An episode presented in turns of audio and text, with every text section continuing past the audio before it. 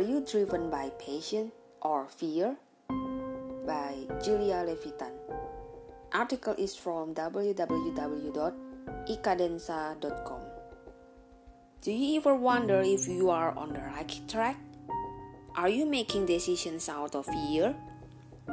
Maybe you spend your days spinning your wheels, then fall asleep at night feeling like you didn't really accomplish anything. Or you keep saying yes to opportunities without really stopping to think if they are the right things to say yes to.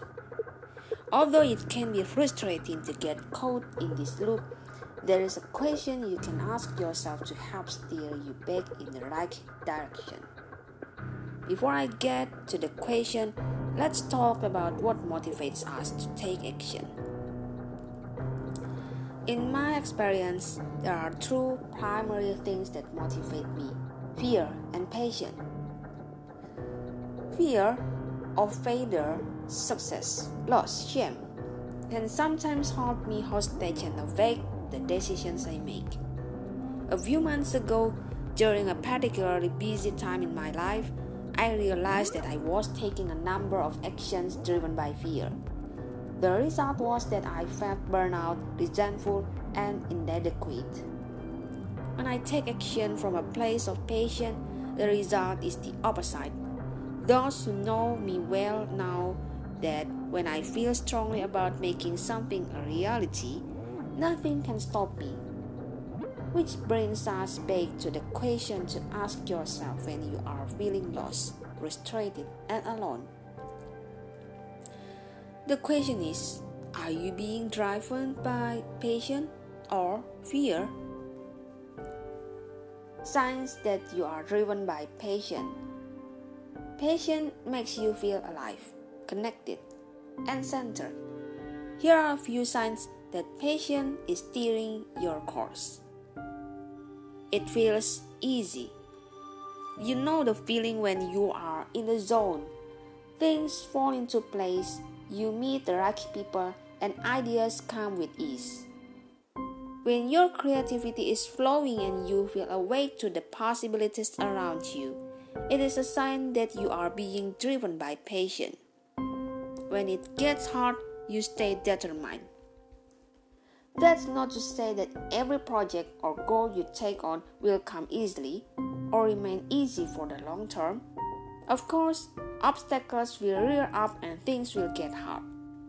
However, as long as you are driven by the passion of getting it done or seeing your dream realized, you will likely find that you have endless energy, grit, and willingness to keep getting up no matter how many times you are knocked down. You hold a steady vision of the future, and failure isn't an option. With passion in the driver's seat, you try again in the face of setbacks. You remain optimistic.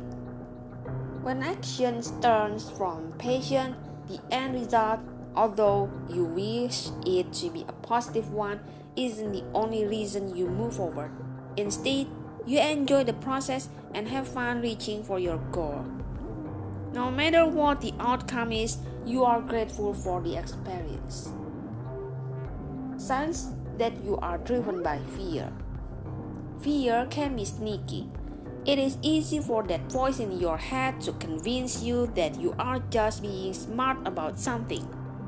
You tell yourself that you are asking the right questions, being cautious, protecting yourself. But there are some telltale signs that it is fear and not your smarts that's running the show. Here are a few indications that you are being driven by fear. You experience a running commentary. Fear sees the worst possible outcome at all times. You will likely hear this type of monologue in your head.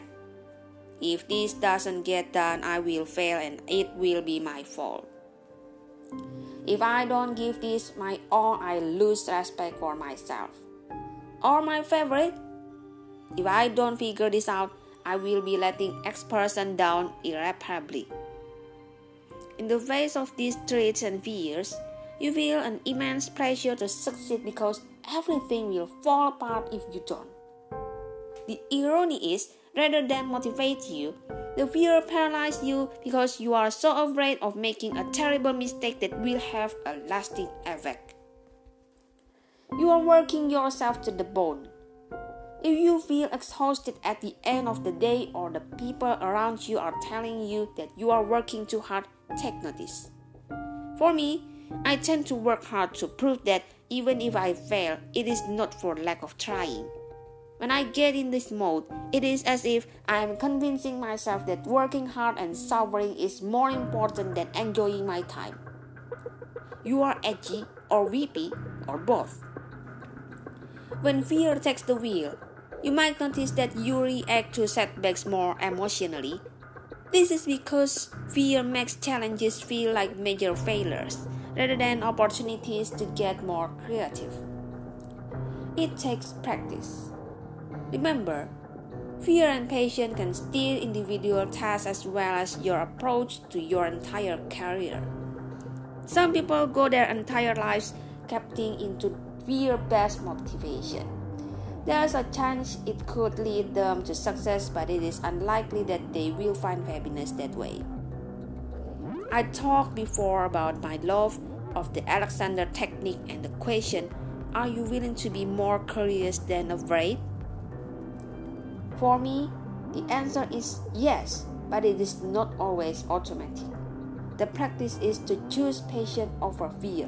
When I do this, I am not only happier, I am actually more effective and efficient. Where do you stand? Are you more motivated by passion or fear? Do you feel a difference between the two? Is there ever a time that fear helps you?